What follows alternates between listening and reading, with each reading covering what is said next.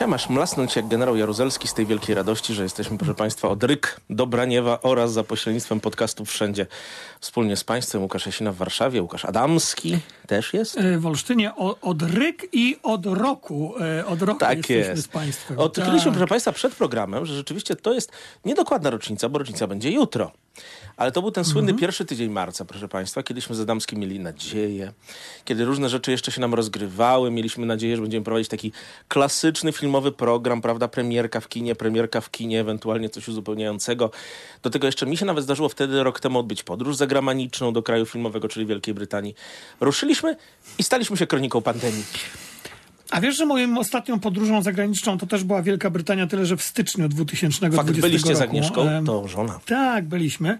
E, natomiast w pierwszym naszym programie jeszcze mieliśmy nadzieję, a właściwie nie, no wtedy jeszcze nikt nie mówił, że kina będą zamknięte, więc omówiliśmy. Nie wierzyliśmy, że nastąpi taki lockdown duży, wiesz. e, Tak. I, I, zdrajcą mówiliśmy. Zdrajca Marco Bellocchio jest teraz dostępny na VOD, na pewno w serwisie cineman.pl, Wspaniały więc tam film. polecam, Wspaniały żebyście, film. tak, żebyście obejrzeli. Najlepszy film moim zdaniem zeszłego roku. Mój drugi, Mm, ale, na mojej ale i tak się bardzo zgadzaliśmy wtedy, prawda? Bo jednak podium mieliśmy mniej więcej takie samo. Tak, tak, tak. I e, no cóż, no, ja mam nadzieję, że Lucky Luke będzie równie, e, równie dobrze oceniany przez słuchaczy, bo nie będziemy już tak egotycznie mówić, że najlepszy program e, filmowy na świecie, jak to Donald Trump by powiedział, Mm, ale że będzie równie dobrze oceniany przez naszych słuchaczy, kiedy pandemia się skończy, bo nie było Lucky Luke'a bez pandemii tak naprawdę. To jest niebywałe, w, jeżeli chodzi o nasz program. Tak? I tak, proszę Państwa, z takim podsumowaniem, bo programu było rzeczywiście 52, mi- jeden raz się nie ukazaliśmy, ale nadrabialiśmy. Powiem Państwu, że życzę sobie, żebyśmy dalej się ukazywali przez kolejnych 52 tygodnie. Jakoś nam ta wspólna formuła koprodukcyjna y, działa, bo ten program naprawdę, proszę Państwa, jest realizowany w Warszawie i w Olsztynie. Dwa razy tylko wspólnie razem nagrywaliśmy, tak się zdarzyło. Ale być może po pandemii będzie inaczej, tylko że właśnie po pandemii nie wiadomo kiedy nastąpi i te wszystkie ograniczenia w najlepsze sobie wchodzą, działają. Dziś też będziemy mieli dla Państwa y, dzieło z dwóch dzieła z dwóch serwisów streamingowych, ale najpierw Złote Globy, proszę Państwa, po muzyce, tylko Złote Globy bardzo pandemiczne. Ale najpierw niech Tak, zaśpiewa ale, tak. ale żeby, właśnie, państwo, mów, tak, mów. ale żeby, państwo z nami, żeby Państwo z nami na pewno zostali, to powiedzmy, że będą, e, będzie serial Dzieci z dworca Zoo, czyli nowa, mm, nowa wersja Po kultowej książki lat 40, 80. po 40 latach. I będziemy mówić o, e, o e, nowym, wspaniałym świecie. Huxley na nowo ugryziony przez Mhm. serial, który u nas na Netflixie jest do obejrzenia, więc te dwie produkcje omówimy. I A zaczynamy od Złotych po Globów. nowych operacjach. Ale teraz Iggy Pop.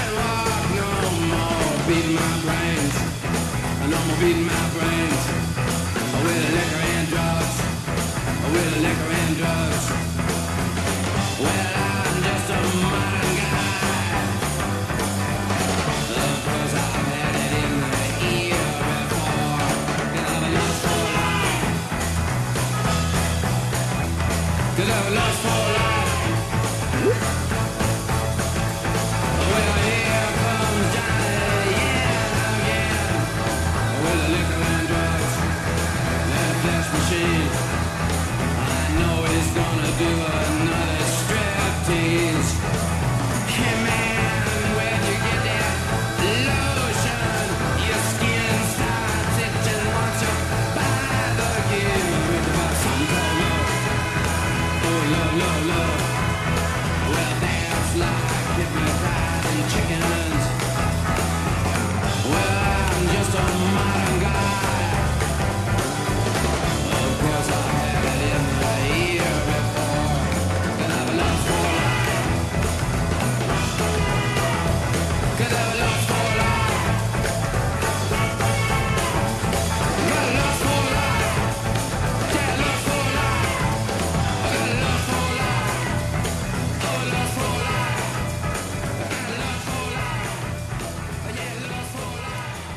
Jego zarządził Adamski, proszę Państwa. Myślę, że on bardzo pasuje do tego uroczego, pandemiczno-zdalnego targowiska próżności w wersji intelektualnej, bo zawsze te Złote Globy były takie niby lepsze, takie niby bardziej artystyczne.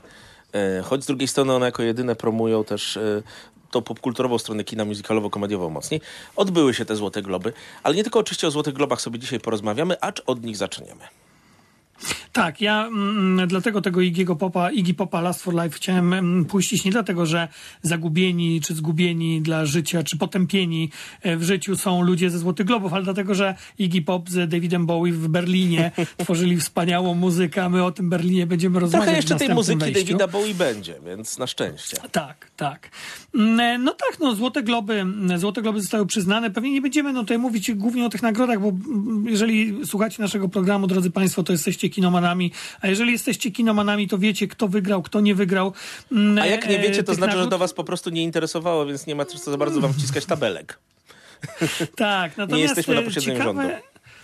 Tak, natomiast ciekawe, ciekawe jednak jest to, że, mm, że nawet Złote Globy e, zostały mm, przewalcowane przez tą poprawność polityczną nie Nawet? dlatego, że nie Przede było wszystkim. Rickiego. Przede wszystkim nie, nie tylko dlatego, chociaż wiesz, właśnie one nie były tak dotykane jako skary. To znaczy, z, z, pamiętaj, że Złote Globy, kiedy prowadził Ricky Gervais, a ostatni raz prowadził na tej gali w 2019 roku, tuż przed pandemią, mm, no to on naprawdę łamał normy poprawności politycznej tak mocno, jak nikt sobie nie pozwolił tego na Oscarach. To znaczy, A kiedy... przypominam, że Ricky Gervais jest wybitnym, liberalnym brytyjskim aktorem.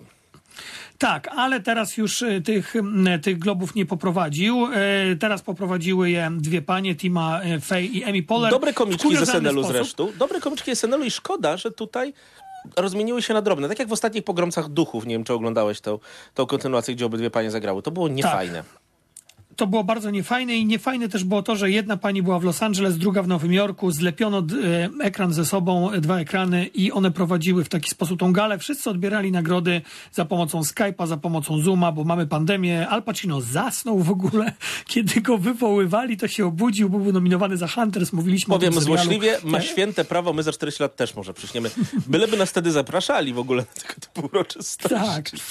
Wiesz, ciężko mi jest mówić też o Złotych Globach, bo, bo części filmów nie widziałem. Nie widziałem Nomadland jednak mm, Chloe Zhao. Czytałem książkę Nomadland, Mhm. nie widziałem filmu. E, Ona dostała jako pierwsza kobieta od 40 lat w ogóle Złotego Globa za reżyserię, a pierwsza Azjatka, bo to jest Chinka e, w historii To jest dobra reżyserka, więc, Globa. więc my też nie, nie możemy powiedzieć, że to jest to, co się nam troszeczkę w głowach roi. To znaczy stwierdzić, że być może jest to jednak powiązane z płcią. Rzeczywiście Złote Globy próbowały się dostosować w tym roku do aktualnie panującej mody i poprawności politycznej. Okej, e, dostawały to jednak dobre reżyserki i dobre, i dobre aktorki. E, Wiesz co, Gillian Anderson dostała. Tak, Gillian Anderson dostała za, mm, za rolę Margaret Thatcher. I teraz wiesz, ja mam taki problem, bo, mm, bo Złote Globy przed samą galą zostały oskarżone o to Akademia przyznająca Złote Globy, że nie ma tam czarnoskórych e, osób w tej Akademii. Widocznie No, gazety z nie Nigerii nie przysyłają korespondentów do Los Angeles. Przepraszam, że, tak, to nie jest bo- rasizm, proszę państwa, ale tak to trochę wygląda. Ja poczepiam się naszych kolegów. Wskaż mi czarnoskórego dziennikarza filmowego w Polsce. Tak, tak, bo, bo tutaj, bo tutaj powiedzmy, czy przypomnijmy naszym słuchaczom, że Złote Globy rozdaje Stowarzyszenie Dziennikarzy, znaczy dziennikarze akredytowani e, w Hollywood, e, prasy zagranicznej. I po prostu tak się zdarza, że tak się zdarzyło, że większość tych dziennikarzy to są Europejczycy, to są ludzie z Ameryki Południowej, więc, więc Latynosi, to są Azjaci, no po Hindusi prostu są, proszę państwa, formalnie białymi, zapominamy o to, za- zapominamy o tym, więc korespondent In- India Daily też pewnie jest biały. No, dzi- dzi- wychodzi na to, że prasa chińska nie przysyła korespondentów do e, Los Angeles. E, Będę, wiesz co, mów, mówi się tylko o czarnych, więc możliwe, że to nie dotyczy jednak mm, Azjaci e, są gorsi? chińskiej. Ojoj, nie wiedziałem. E, I teraz, I teraz, wiesz, e, mam taki problem, bo mm, kilka Złotych Globów przypadło czarnoskórym aktorom i wiesz, Nie będę oczywiście oceniał tej decyzji, bo nie widziałem na przykład Daniela Kulei w roli mm, za film Judas and the Black Messiah. E, widziałem za to Jodie Foster w Maurytańczyku. E, ten film pojawi się, Mhm. widziałem go przedpremierowo, pojawi się u nas na VOD pod koniec marca, to omówimy, Omówimy, go omówimy. wtedy. Ona, ona słusznie dostała tą nagrodę o filmie o Guantanamo. Natomiast wiesz, no, mm, czy ci czarnoskórzy aktorzy e, dostali te statuetki dlatego, że byli najlepsi, czy zaczyna jakiś parytet brać, w tym wygrywać? Zauważ, statuetkę dostał pośmiertnie Chadwick Boseman i ja uważam, że on stworzył Właśnie. wspaniałą rolę. On stworzył wspaniałą rolę. Mów- mów- Mówiliśmy o tym filmie Matka Bluesa. Natomiast ja się zastanawiam, czy on nie dostał tej roli, te, te, tego Złotego Globa, którego odebrała żona, dlatego, że jest czarnoskóry i dlatego, że jednak zmarł. Zgarnął tego Globa Antonemu Hopkinsowi z przednosa, który no, wszyscy twierdzą, że powinien dostać, znaczy no, wszyscy przewidują, że on Oscara dostanie za rolę mm, e, człowieka, który na Alzheimera, mm, e, na Alzheimera I cierpi. należy mu się, to jest No, tak wielki aktor, że powinien mieć dublet, prawda? Nie może mieć tylko jednego Oscara. Tak. Wiesz co, ja się z tobą Em. zgadzam, bo Hollywood oczywiście robił to zawsze. No, Heath Ledger, mimo całej wybitności roli e, swego czasu w Batman Begins, e, dostał ją głównie dlatego, że umarł i nie można było mu już ich więcej dać. Ale to jest taka pewna pułapka, bo w czasach przed tą eksplozją nowej poprawności politycznej nie było kontrowersji, kiedy dostawali czarnoskórzy aktorzy jednak w końcu tych swoich Oscarów. Nikt nie odmawiał wielkości Denzelowi Washingtonowi, Forestowi Whitakerowi, Jamie Foxowi itd., itd. E, A teraz będziemy wiecznie podejrzewali, że tak naprawdę nie chodzi o artystyczny geniusz i umiejętności, tylko o poprawność polityczną. Czyli to jest właściwie działanie na niekorzyść e, tej walki o wyrównanie praw czarnoskórych Amerykanów. Dokładnie tak jest i Chadwick Boseman, on, on ja w tym filmie mm, e, właśnie historia e, Matka Bluesa, tak, em, za którą dostał, e, za, za którą dostał tą e, nagrodę. Mm, Wiesz, ten film e, Ma Riley, Matka Bluesa, taki jest tytuł. Ten film udowodnił mi i pamiętasz, mówiliśmy już o tym, że on naprawdę był wybitnym aktorem. On e, cierpiał na raka. e, Kiedy grał Czarną Panterę, nikt nie wiedział o tym, znaczy większość ludzi nie wiedziała, że on ma raka.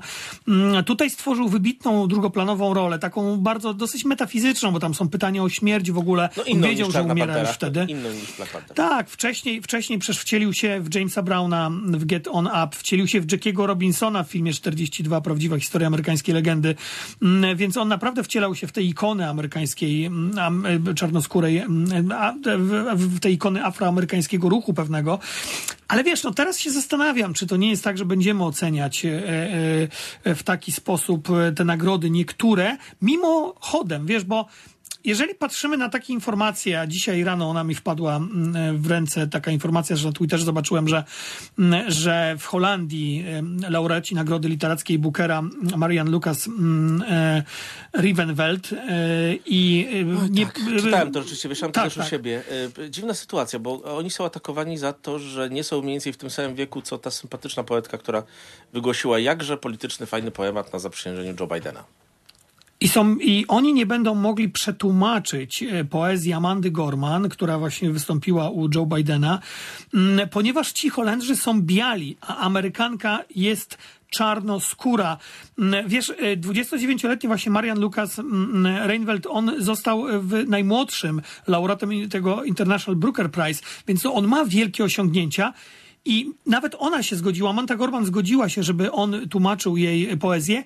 Nie pozwolono mu tego robić, były wielkie protesty, on się wycofał, bo stwierdzono, że biały nie ma prawa tłumaczyć poezji czarnoskórej. To jest wizja, którą przyklasnąłby jej Malcolm X, który mówił o tym, że biali są diabłami i powinni odseparować się od czarnych. Mamy chyba do czynienia z nową segregacją rasową, taką aksamitną, ale jednak segregacją rasową. Wcale nie aksamitną tak naprawdę, bo to, że coś robi elita, nie znaczy, że coś jest aksamitne. To jest przerażające, bo to, y, bo to oczywiście nie działa w drugą stronę. To znaczy, Mhm. jak najbardziej myślę, czarnoskóra autorka mogłaby przetłumaczyć Olgę Tokarczuk i nikt by nie robił z tego powodu protestu, prawda? A przecież też właściwie Mm. niekoniecznie Amerykanka czarnoskóra lat 23-35 rozumiałaby, o co chodzi w księgach Jakubowych. E, Tak, e, dokładnie tak, ale wiesz, no, jak teraz też pojawiła się informacja, że doktor, mm, doktor Sus, czyli, czyli, czyli Theodor Sus Geisel, e, no, ikona e, książeczek e, dla dzieci, opowiadań dla dzieci amerykańska, o jego książki, część jego książek, to jest autor między innymi Grincha. E, Nasi słuchacze pewnie oglądali wersję z Jimem Carreyem i, i tą nową, może czytali Grincha. E, Jego, e, jego książki, kilka z jego książek zostało wycofanych z amerykańskich szkół. Oskarża się o rasizm. Faktycznie, jak dzisiaj spojrzymy na jego rysunki, no to one nie pasują do dzisiejszej wrażliwości. Tyle, że to jest wszystko ahistoryczne patrzenie na twórczość e, tych artystów. Zauważ, on w latach 40. rysował takie rzeczy, jakie życzył sobie rząd Stanów Zjednoczonych walczący z Japonią. One faktycznie są rasistowskie z dzisiejszego punktu widzenia, ale one realizowały pewną politykę Stanów Zjednoczonych i też chodzi o jakąś wrażliwość. No taka była wrażliwość m, w stosunku też do czarnoskórych, że pewne rzeczy, które dzisiaj by nie przychodziły, wtedy e, rysowało się, pisało się o nich, używało się słowa na N, co nie znaczy chyba, że dzisiaj trzeba te książki palić, wyrzucać m, i w ogóle wymazywać. A cancel culture, no jednak coś takiego robi. Mamy debatę, drogi Łukaszu, w pustyni i w puszczy. Lewicowy poseł, m, pan Gdula, e, apeluje, żeby w Mamy pustyni i w puszczy zostało Twitterze, usunięte. Państwa, od czwartku debatę o e, trylogii Sienkiewicza, która podobno jest czymś gorszym od Tolkiena. A Tolkien też zresztą Bo? nie jest. Bo e, ona reprezentuje polski nacjonalizm wobec Ukraińców, co nie jest prawdą. A Tolkien jest wspaniały i w ogóle tam mamy kobiety też, ciekawsze postacie. Ale to jest przyjmowanie wobec literatury obecnych sformułowań, a ponadto wiesz, ta cancel culture, Łukaszu, doprowadzi do takiej sytuacji, ja osobiście tak uważam, że za 20 lat ludzie będą się śmiali z przyznawania y, pogardzanym jakiegoś miejsca, bo nie będą rozumieli w ogóle skąd się wzięły ich prześladowania. Jeżeli Anna Boleyn będzie czarnoskóra, ludzie przestaną rozumieć, że niewolnictwo było możliwe. Tak, a powstaje, powstaje serial czy film e, dla Netflixa, mm, chyba dla Netflixa, e, gdzie Anna Boleyn będzie czarnoskóra i faktycznie widz dzisiejszy, nie do końca wyedukowany historycznie, tak jak my byśmy chcieli, żeby był, może powiedzieć, no zaraz, no, jeżeli e, królowa, jeżeli mogła być czarnoskóra wtedy, no to o jakim rasizmie my tutaj mówimy? No to jednak czarnoskórzy, e, serial Bridgewater, tak, e, e, e, czy, wiesz, rozmawialiśmy nie tylko o tym. Bridgertonowie, tak, przepraszam. Bridgertonowi. Nie tylko o tym serialu, ale przecież mówiliśmy też o tym brytyjskim serialu BBC Nędznicy nowej wersji, gdzie przecież, e, gdzie przecież Javert, e, inspektor jest czarnoskóry i czarnoskórzy są na barykadach podczas rewolucji francuskiej i walczą i są arystokratami ci czarnoskórzy, więc no ktoś może powiedzieć zaraz, no to jak czarnoskórzy byli arystokratami we Francji i w Wielkiej Brytanii, no to o jakim kolonializmie i rasizmie my tutaj mówimy? Ja się zgadzam, wiesz, że w pustyni, w puszczy, jak dzisiaj je, to czytasz, to Oczywiście. widać tą taką wrażliwość inną, to, że Europejczycy patrzą z protekcjonalnie, z, wyższy, z poczuciem wyższości na Afrykę, no ale kurczę, no, no, no nie można historycznie patrzeć na te, na te lektury.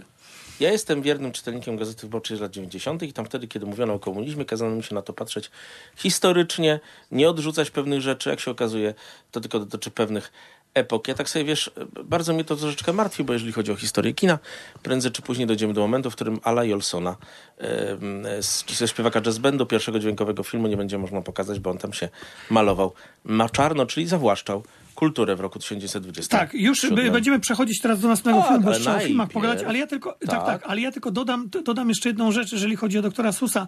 Wiesz, w 98 roku zarówno NATO, e, jak i NATO głównie e, dystrybuowało w Bośni książki e, doktora Susa, które to miały uczyć tolerancji. E, mm, e, I one dzisiaj, te właśnie te same książki są zdejmowane z amerykańskich szkół, są wycofywane, znaczy mówi się, że jeżeli będzie odpowiedni komentarz we wstępie w tych książkach, to one powrócą, tak? Trochę jak przeminęło z wiatrem, jak pojawiła się plansza, że film jest rasistowski, to mógł wrócić na HBO Max. No ale wiesz, no, w ciągu od 98 roku zmieniło się tyle, że książka z pro-tolerancyjnej, z tolerancyjnej książki zamieniła się w książkę rasistowską. To i to za naszego życia, byliśmy wtedy prawie dorośli. Wiesz, to trochę wygląda jak w takiej książce Burzliwe życie Leizorka Reuterschweinza i Lierenburga.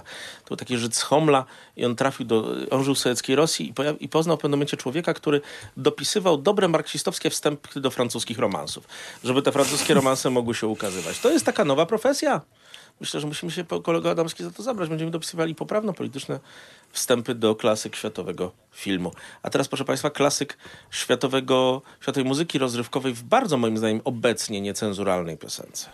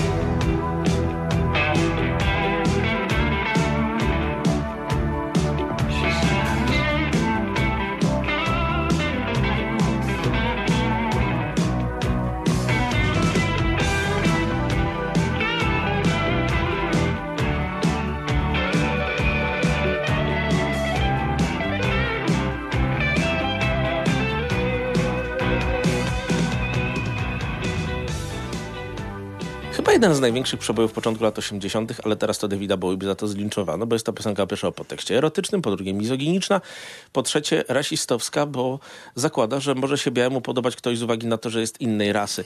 Czyli te wszystkie rzeczy, które występują w filmach porno, one w życiu oficjalnie mają teraz nie istnieć. I jest zawłaszczenie kultury, jak słyszałeś na końcu, taka melodia e, chińska.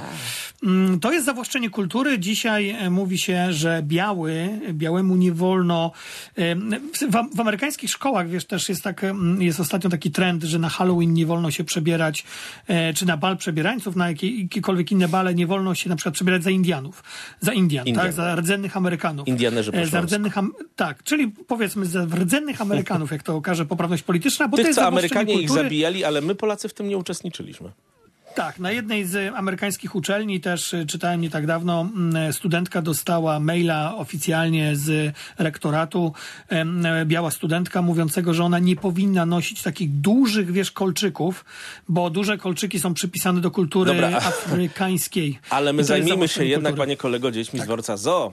Bo nam zabraknie czasu, a to jest chyba wybitniejsze niż ta cała głupia dyskusja e, Tak. tocząca się wokół Złotych Globów, acz mniej nośne. Proszę Państwa, powstał po 40 latach kolejny film. Mieliśmy bardzo klasyczną książkę napisaną przez reporterów, ghostwriterów o przeżyciach Christiana F., narkomanki z Berlina z lat 70., o młodzieńczej prostytucji, o narkomanii wtedy. E, Na podstawie tego powstał film Uliego Edela, bardzo klasyczny, moim zdaniem bardzo dobry roku, na początku lat 80.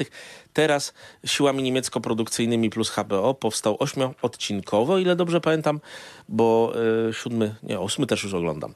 E, serial na tej podstawie. Coś niesamowitego, bo przy naszych oczach ten film My Dzieci z Dworca oglądaliśmy, Łukasz, jako film praktycznie dla nas nowy, prawda? On powstał już za naszego życia. Powstaje film będący adaptacją czegoś 40 lat po. I, I to jest niesamowite porównanie, bo mamy nagle coś re- realizowanego z pozycji autentycznych i teraz serial historyczny tak naprawdę, pokazujący rzeczywistość sprzed niemalże pół wieku, z miejsca, które każdy zna. Teraz to jest bardzo ładny, czysty, sympatyczny dworzec, bardzo ładna okolica. Y, serial, hmm, powiedzmy sobie tak, i mocny, i trudny, i niemocny, i bardzo schematyczny. Tak, no dzieci z dworca Zoo, e, książka z 1978 roku, dwóch dziennikarzy, chyba Sterna, o ile się Szterna, nie mylę, tak, Szterna. Kaja Herman Stern, i tak, i Horst Stern. Szterna.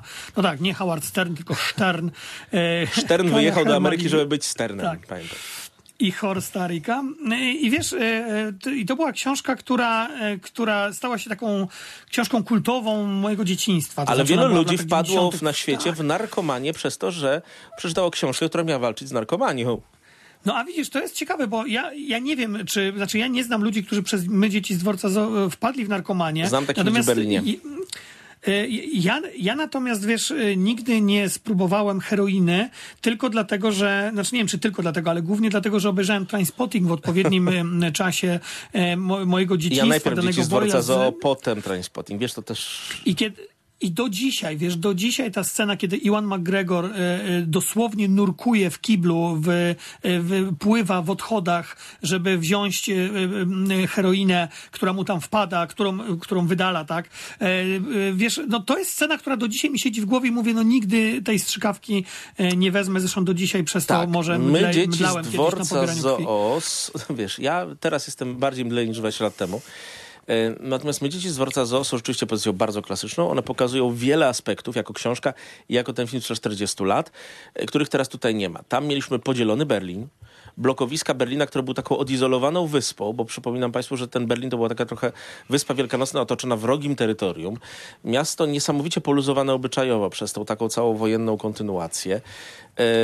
A teraz, proszę Państwa, dostaliśmy sterylną, ładną, pokolorowaną wersję. Zaczynam rozumieć troszeczkę ludzi, którzy w latach 80. oglądali filmy wojenne opowiadające o II wojnie światowej. Mówili, że to absolutnie tak nie wygląda i że to jest takie czyste, fajne. My dostajemy tak naprawdę fajny, czysty, polukrowany obraz straszliwej tragedii, którą 40 lat temu pokazano jednak rzeczywiście. Dokładnie tak, wiesz, ta książka, ona Ubrania czyste, Berlin fryzury i- nawet w tak. najgorszym momencie upadku zaczesane. Nawet sceny prostytucji pierwszy- są stylizowane. I pierwszy film, pierwszy film i książka, one pokazywały, właśnie to, to było coś, co najbardziej od, od, odpychało e, moim zdaniem czytelników, większość czytelników czy widzów czy, ty- tego filmu od narkotyków. Brud, e, prostytucja dziecięca, w ogóle tam 14-latkowie grali w tej pierwszej wersji. Dzisiaj to było nie do pomyślenia, żeby obsadzić dzieci w rolach, gdzie jest w ogóle ogromne zaburzenie, jeżeli chodzi o wiek, bo generalnie po pierwsze to są dzieciaki raczej 18, 19, 20-letnie. Niektórzy z nich są już po 20, to jest kwestia wyglądu, jak posprawdzacie państwo ich wiek, ale mamy tu też poważne zaburzenia, bo na przykład rodzice Christiane są, wyglądają na osoby oni zaledwie o kilka lat starsze. To trochę nam zaburza, zwłaszcza ojciec, to trochę nam zaburza pojmowanie tego filmu. E, mm, Tak, i mm, tamten film e, był właśnie w takim klimacie jak e, Trainspotting później. Tamten film był w takim klimacie jak pewne sceny z, mm, z Nocnego Kowboja, który to był pierwszy film w ogóle, Nocny Kowboj Schlesingera. Gdzie narkotyki w ogóle się pojawiają. Tak, gdzie się po- pojawia heroina, tak? Gdzie się pojawia Mamy tu uzależnienie i. Panic in the Needle Park, czyli narkomanów, y, czyli debiut Al Pacino. Mamy nawet Scarface'a, wiesz, wszystko mamy. Y, Tradycja filmów o narkotykach jest pewną mocną linią. Ona się I zaczęła zobacz- od i 70 zobacz- lat, kiedy te narkotyki weszły i stały się niezwykle ważnym, niestety, elementem naszej kultury. I zobacz, Dzieci z dworca Zoo, e, książka ogarniała wszystko. To znaczy ona mówiła też o socjologicznych problemach, ona mówiła o problemach walki z narkotykami, e, o problemach Nawet policji. o miłości Trochę Davida tak jak Bowie. później Tak, trochę tak jak później e, David Zodenberg w Trafik pokazał, e, czym jest na wielu płaszczyznach e, ten problem Mhm. narkotyków, bo była u niego nowelka o uzależnionej dziewczynie, jak i o e, kartelach, jak i o policji. Mhm. Pamiętasz, był też taki film Boost z Jamesem Woodsem i Sean Young, którzy e, też pokazywali Pamiętaj tylko, że uzależnieni od kokainy. O Blow Mhm. e, z e, Depem. To jest też... Tak, tak, to wszystko film o przemycie, ale wiesz, jak ja pooglądałem nową wersję Dzieci z dworca Zoo, to sobie pomyślałem, kurczę, czy wy chociaż nie mogliście obejrzeć Rekwiem dla snu Ar-. Aronowskiego, który stylizował wszystko, ale jednak pokazał obrzydliwość narkotyków. Ja O różnych uzależnień, bo tam była dziecię- też lekomania matki głównego bohatera. Też strasznie pokazana. Ellen Burstyn, cudowna rola. Dokładnie, oni pokazali, że narkotyki to nie jest tylko kokai, heroina, kokaina, tylko to są też leki, lekomania. Dzisiaj problem opiodów w Stanach Zjednoczonych idealnie to pokazuje, tak? I to szczególnie wśród tej biedoty białej. Natomiast wiesz, oglądam te Dzieci z dworca Zoo, serial niemiecki, zresztą serial zrobiony przez, e, przez, e, przez reżysera Nasze Matki, Nasi Ojcowie, filmu, serialu, E, którego Rysy, niezwykle oryginalny tytuł Nazi matki, nazi ojcowie. Filipa mm, Kadelacha.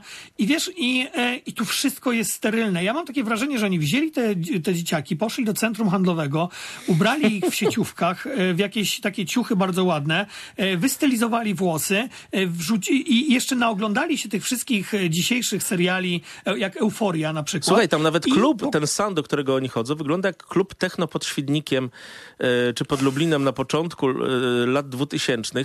Trochę inaczej wyglądały kluby w latach 70. Gra tam inną muzykę też. Techno to trochę później, proszę państwa. Nie wiem, czy wiecie, tak jakby Mozarta grano na dworze Ludwika XIV. Ale wiesz, kiedy patrzysz na scenę, tam jest taka scena z tym złotym strzałem, tak? E, czyli tą No tak. zabójczą dawką heroiny. Scena zawsze to- trudna do wykonania, bardzo. A tutaj czysta, tutaj schludna, tutaj ładna, tutaj brakuje mi tylko produkt placement jakiegoś, żeby była jakaś jeszcze marka ubrań gdzieś pokazana. Wiesz, ja to oglądam i ja w to nie wierzę. To znaczy, to nie jest, ja nie wierzę, że taki Berlin był w latach 80. Mm, Ja nigdy nie byłem w Berlinie, nigdy nie byłem na tym dworcu, ale nie wierzę, że on tak wygląda jak w tym serialu. Moim zdaniem to już Znaczy nawet wiesz, nie, nie teraz jest w problem tej chwili to jest czysty, Mhm. ładny, posprzątany dworzec, który próbowano za wszelką cenę przywrócić do czasów z lat 70., czyli ustawiono tam kioski z papierosami, zmieniono go trochę. Ja na tym dworcu dość często bywałem w pewnym momencie swojego życia, bo tam się wysiadało, miejsc, gdzie mieszkałem w Berlinie. I powiem ci tak, y, to jest jednak różnica. No, brudny dworzec, dworzec sprzed 40 lat, a taki sterylny dworzec, gdzie chodzą sobie ludzie, to nie jest nic fajnego. Naprawdę możecie państwo obejrzeć atmosferę tego strasznego miejsca w oryginalnym filmie My, dzieci z dworca Zoo. Ale nie w tym serialu. tutaj- nie w tym serialu. Tak, bo, bo wiesz, ja nie mam nic, dlatego ja mówię o Rekwiem dla snu Aronowskiego, e, też film chyba już, który już, który już 20 lat zaraz skończy, czyli w tym roku kończy, bo to chyba 2001 rok był. Tak, to już jest retro, to już E, jest klasyka. Tak, to już jest retro. I wiesz, on też stylizował, on też przestylizował, by- on też wchodził w surrealizm, tak? E, Przestrzelał pewne rzeczy, ale to wszystko podkreślało problem tej narkomanii, e, e, szaleństwa, które, które powoduje, e, szaleństwo, w które wpadasz przez te narkotyki. Mm, A tutaj tego nie ma. Tu wszystko jest ładne, schludne i dlatego dla mnie zupełnie niewiarygodne. Ja jestem zawiedzony serialem My, Dzieci z Dworca Zoo. On ma dobre elementy, ale ja nie wierzę tym bohaterom, ja się nie utożsamiam z nimi, ja za nimi nie podążam i ja po prostu nie widzę problemu narkomanii w tym serialu. Ja widzę, ja widzę grupę ludzi, którzy bawią się, którzy przebierają się w ciuszki retro i którzy bawią się jakby byli na imprezie retro Mm, i ten David Bowie nawet tam zupełnie rozmowa o nim nie pasuje. W tamtej wersji był, proszę Państwa, oryginalny David Bowie. My jeszcze fragment ścieżki dźwiękowej puścimy na końcu naszego programu, ale powiem tak, nie, nie chcę robić aluzji do tego reżysera, ale on ma tutaj równie ciężką rękę i równą znajomość historii jak film serialu Nasi Matki, Nasze Matki, Nasi Ojcowie. Ciężką, marnuje wspaniały materiał, materiał, który stał się już klasyką światowego kina i światowej, światowego dyskursu, e, upewnieniem tego Berlina, który był naprawdę bardzo ważnym też ośrodkiem w latach 70., 80. Myślę, że nasza ocena Łukaszu jest jednak dość negatywna tego serialu, tak na podsumowanie. e, jest bardzo negatywna i jednak zachęcam do pierwszego Trainspottinga, chociaż drugi Trainspotting Daniego Boyla, ten jego powrót też wcale nie był taki zły, jak niektórzy krytycy pisali, więc jednak sięgajcie po klasyka, a na pewno sięgnijcie po klasyczny film z lat 80. My, dwie dzieci z dworca Zoo. E, I Adamski książka dzisiaj też jeszcze wiele, anglofil wiele mówi. Anglofil straszny dzisiaj z ciebie. Choć ja lubię akurat Iwana McGregora w każdej pozycji, że tak się Tak. wyrażę. E, dobra. A teraz, proszę Państwa, Brave New World zupełnie innego artysty niż dzisiaj puszczamy.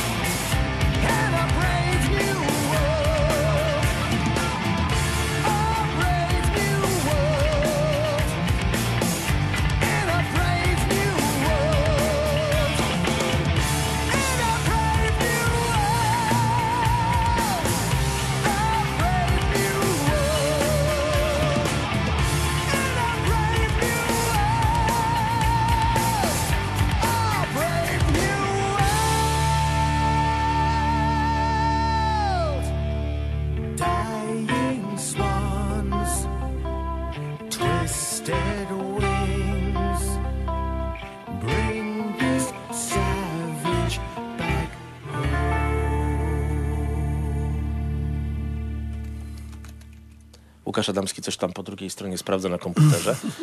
A, a ja nie googluję, stąd się czasem mylę. E, ale dzisiaj sobie nie będziemy się mylili, tylko powiemy o kolejnej adapta- adaptacji klasyki, tym razem na Netflixie. E, Zdarzyło się nam, Łukaszu, czytać Aldusa Huxleya, jego najbardziej klasyczną książkę, Nowy Wspaniały Świat, od której zresztą poszły różne nazwy, na przykład takiej knajpy prowadzonej Centrum przez Krytykę Polityczną w Warszawie, ale to nieważne.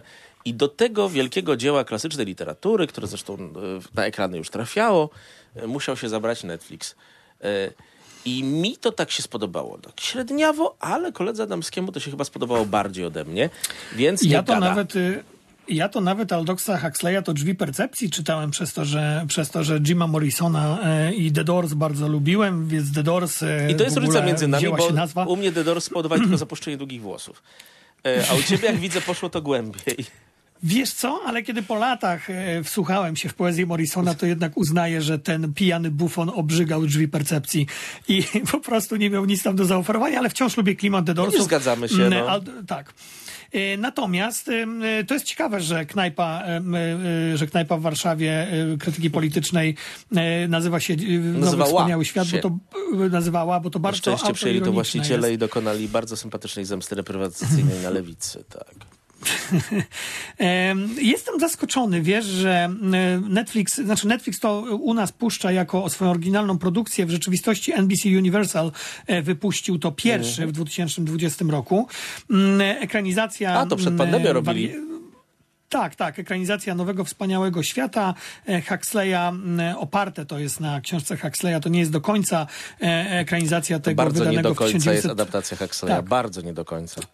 Tak, w 1932 roku on to wydał i ja, ja najbardziej lubię, najbardziej do mnie trafia Nowy Wspaniały Świat Huxleya, dużo bardziej niż Orwellowski rok 84. To znaczy ja uważam, że dzisiaj podążamy w stronę Nowego Wspaniałego Świata i czeka nas dyktatura taka, jaką widzimy w Nowym Wspaniałym Świecie, a nie taką, jak widzimy w roku 84. Mm, e, No cóż, no mamy taką, takie społeczeństwo utopijne, e, tutaj się ono nazywa Nowy Londyn, Mm, e, w jakiejś tam przyszłości, nie wiemy w którym roku. To jest społeczeństwo, które składa się z ludzi szczęśliwych, e, szczęśliwych dlatego, że e, nie mają rodziców, to znaczy to są dzieci e, urodzone za pomocą, zapłodnione najpierw za pomocą in vitro, później urodzone właśnie z próbówek, wychowują się w takim kolektywie, nie ma monogamicznych w ogóle związków, kobiety i mężczyźni, mężczyźni, mężczyźni, kobiety i kobiety, bo wszyscy są tam biseksualni, nie mogą się ze sobą łączyć w monogamiczne związki, wszyscy uprawiają seks ze wszystkimi, są ciągle orgie, co zresztą ten serial e, krytycy, krytycy wytknęli mu, że, że ciągle są sceny orgii seksualnych. No, paru E, przystojnych aktorów i aktorek obsadzono. tak. Widocznie chcieli się pokazać. Ja trochę żartuję, E, bo to mi bardzo przeszkadzało w takim czysto filmowym sensie. Seks jest fajny, tylko jednak w filmie musi mieć jakieś uzasadnienie. Tutaj czasem go po prostu nie ma. Tak, ja, nie ma pieniędzy, nie ma e, prywatności, wszyscy należą do wszystkich, wszystko należy do wszystkich, czyli po prostu komunizm, ale bardzo nowoczesny taki, bo W komunizmie nie byłoby w ogóle takiego, wiesz, sympatycznego oświetlenia. Jedzenia by nie było w takich ilościach. Wiesz. Orgie też E, by wszystko zakazane. jest, e, t- tak, wszystko to jest włożone w, ten, w tą rzeczywistość dzisiejszą i taką, która pewnie to, ona, ona niedługo przyjdzie. E, Wszyscy jesteś, są podłączeni do jednych wielkich mediów społecznościowych. E, oczy są, mają specjalne takie nakładki, e, e, które powodują, że nie potrzebujesz telefonów komórkowych, Facebooka, e, tylko po prostu możesz e, oceniać, kto jest kim, jak go widzisz. e, e, To są też hologramy często. E, Mamy albo, al, albo i, znaczy ludzie są podzieleni na alfę i betę. I tak naprawdę to jest społeczeństwo, które jest społeczeństwem kastowym. To znaczy e, tam utworzą się kasty, tak jak zresztą w komunizmie też się tworzyły kasty ludzi partyjnych, którzy mieli pieniądze, tak? Ludzi, którzy nie mieli pieniędzy, ca, ca, całej reszty. No i istnieje też świat poza tym Nowym Londynem i to jest taki świat e, e, no, wyrzutków, tak? e, Ludzi, którzy w rezerwatach żyją, którzy prowadzą normalne życie, takie jak my. Mm, I e, ci z Nowego Londynu e, robią sobie wycieczki, tak jak do zoo i oglądają, jak to jest strasznie rodzić dziecko, jak wygląda kobieta w ciąży, że w ogóle kobiety rodziły kiedyś dzieci, że kobiety łączyły się z mężczyzną, że był straszny patriarchat. Wiesz, oglądałem to i myślę sobie, kurczę, Netflix pierwszy raz pokazuje mi bardzo prawicowy serial. To znaczy, to Nie wiem, czy on jest serial, prawicowy z zamierzenia Łukaszu. To po pierwsze, bo myślę, że bardzo wielu ludzi, którzy ogląda The Brave New World, jest przekonanych, że to jest, że znacznie fajnie byłoby im żyć w takim wyidealizowanym świecie, w którym nie, nie musisz cierpieć przy urodzeniu dzieci, nie musisz cierpieć przy zakładaniu rodziny, nie musisz odbywać tych wszystkich cierpień, które my bierzemy jako krzyż na siebie jako ludzie. I w gruncie rzeczy, z których jesteśmy potem na starość zadowoleni, że je wzięliśmy na swoje ramiona. E, niestety mamy bardzo wielu ludzi, którzy myśli, że świat można w tym kierunku przebudować. No, ja nie jestem pewien, czy będzie opłacalne e, w- rodzenie nas wszystkich z próbówek. Korporacje raczej na to nie pozwolą, tak jak nie, mimo tego, że można już wyeliminować cierpienie zwierząt w hodowli przemysłowej w ciągu najbliższych 20-30 lat, tego korporacje wielkie nie robią. Ale myślę, że podłączenie nas do wielkich mediów społecznościowych stało się nawet faktem bez nakładek. Kierowanie nas wszystkich jednym to poczucie straty czasu, kiedy ktoś z nas się na te trzy godziny wyłączy, znika. Nawet Łukasz Adamski, proszę Państwa, pisze do mnie wtedy na Messengerze, czy ja żyję, czy wszystko jest u mnie w porządku, a ja po prostu nie byłem przez trzy godziny przy mediach społecznościowych. Ale wiesz, ja mówię, ja mówię, ja mówię, e, no teraz zrobiłeś ze mnie uzależnionego od mediów społecznościowych, co poniekąd jest prawdą. Natomiast e, ja mówię, że Sorki. prawicowy pod tym, że, pod tym względem, że e, wiesz, tutaj mamy takie utopijne społeczeństwo, które Mhm. też nie czuje bólu i żadnych emocji. To znaczy, to są ludzie, którzy łykają tabletki, kiedy coś ich zmartwi, kiedy coś ich ucieszy. Łykają różnego rodzaju tabletki, różnokolorowe tabletki. Co też już I występuje. dzisiaj też to mamy. E, Wszyscy prawie są na Na antydepresantach depresję dzisiaj tabletka, na ból brzuszka Tak. depre, tabletka, na siusianie tabletka, no wszystko. I, e, I tutaj w pewnym momencie dwójka bohaterów, jedna grana przez Jessica Brown Findlay, oni właśnie jadą do, mm, na te, do tego rezerwatu, no ale w tym rezerwacie następuje bunt. E, bunt i to jeszcze takich ludzi, wiesz, to jest bardzo ciekawie poprowadzone, bo ci ludzie w tych rezerwatach to są wszystko amerykański rednecy, mówiący z amerykańskim akcentem. Natomiast ci w Nowym Londynie to jest taka arystokracja brytyjska, e, e, która, i to jest też ciekawy podział, wiesz? I nagle mamy bunt tych redneków, e, którzy, którzy mówią koniec, to znaczy nie będziemy waszym rezerwatem, nie będziecie nas, nas eksploatować. I mm, no, podczas tego buntu do tego Nowego Londynu zostaje ściągnięty, ucieka, ucieka John Savage, John Dzikus, e, grany przez Aldena mm, e, Echner-Reicha e, i, no i on musi się jakby odnaleźć, on musi się, to jest, to jest zresztą aktor, który grał Hanna Solo e, w filmie Solo mm, e, e, w, w tych Star Warsach, Gwiezdnych Wojnach. Nie jest, oczywiście Mm, nie i mylimy wiesz- z Harrisonem Fordem. E, tak, tak. I on też, pamiętasz, e, grał fantastyczną rolę tego kowboja w Hail Caesar, braci Cohen. E, bardzo pers- perspektywiczny aktor. Jego matka gra tutaj Demi Moore, której już w ogóle nie można rozpoznać tyle botoksu i tyle operacji plastycznych. Bruce Willis Mm, podobno i- zorientował się dopiero, kiedy oglądał ten serial. I jesteś okrut, okrutnikiem. Em, I, no i on się musi odnaleźć w tej rzeczywistości. I teraz tak. Ten serial ma, to znaczy, wiesz co, on też mnie zawiódł, ten serial. Może nie tak jak Dzieci z Dworca Zoo. To znaczy, ja uważam, że nie do, ja nie do końca się potrafię zżyć z tymi postaciami. Niektóre rozwiązania akcji są dosyć wyświechtane, ale to jest nieistotne. To znaczy, ten świat naprawdę jest wyjęty z Huxleya i pokazuje, że my w tą stronę idziemy. I wiesz, dużo było takich około Huxleyowskich opowieści o tym, jak No to właśnie. korporacje będą nami rządziły. Mm, A tutaj oni idą dosłownie w niektórych kwestiach tak, jak Huxley to przewidział, I opisał. tak ktoś nami rządzi w sensie fizycznym. I tu przychodzi nam czas z odsieczą. Musimy kończyć, proszę Państwa. E, rekomendujemy mimo wszystko ten serial. Ja mniej niż Łukasz, ale warto zobaczyć, co się dzieje. Proszę To ja Państwa. tylko, to ja tak, tylko tak, jedno, to daj mi zdania. jedno, jed- jedno zdanie, tak, Dwa. dwa. zdania, tylko daj mi. Rekomenduję ten serial, ale obejrzyjcie sobie z 93 roku taki klasyk Człowiek Demolka Oj, tak. włoskiego reżysera Marco Brambilla z mm, Wesley Snipesem i To Sylwestrem? Stallone. To jest 93 rok, więc klasyk Och, e, szło. kina akcji. To jest film, który idealnie opisuje e, społeczeństwo podlane poprawnością polityczną, e, rządzone przez korporacje. Obejrzyjcie to, ale Nowy Wspaniały Świat jest naprawdę warty zobaczenia na Netflixie, bo taka A rzeczywistość my z będzie zaaplikowana na retro, proszę Państwa. I to retro, dziadersi dwaj, mimo tego, że około 40, c- ale już dziadersi, a Biden nie dziaders, wpłynie dla Pozdrawiamy Państwa. profesora Żerko, który nas nazwał O, dziadersami po naszym wstępie w. TVP Kultura. Pozdrawiamy.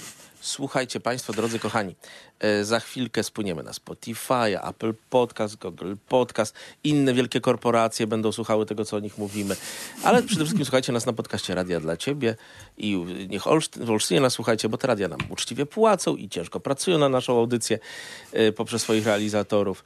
Żegnają Państwa bardzo serdecznie Łukasz Jasina z Warszawy I Łukasz Adamski z Olsztyna. i odrobina smutnego instrumentala o Christiane F.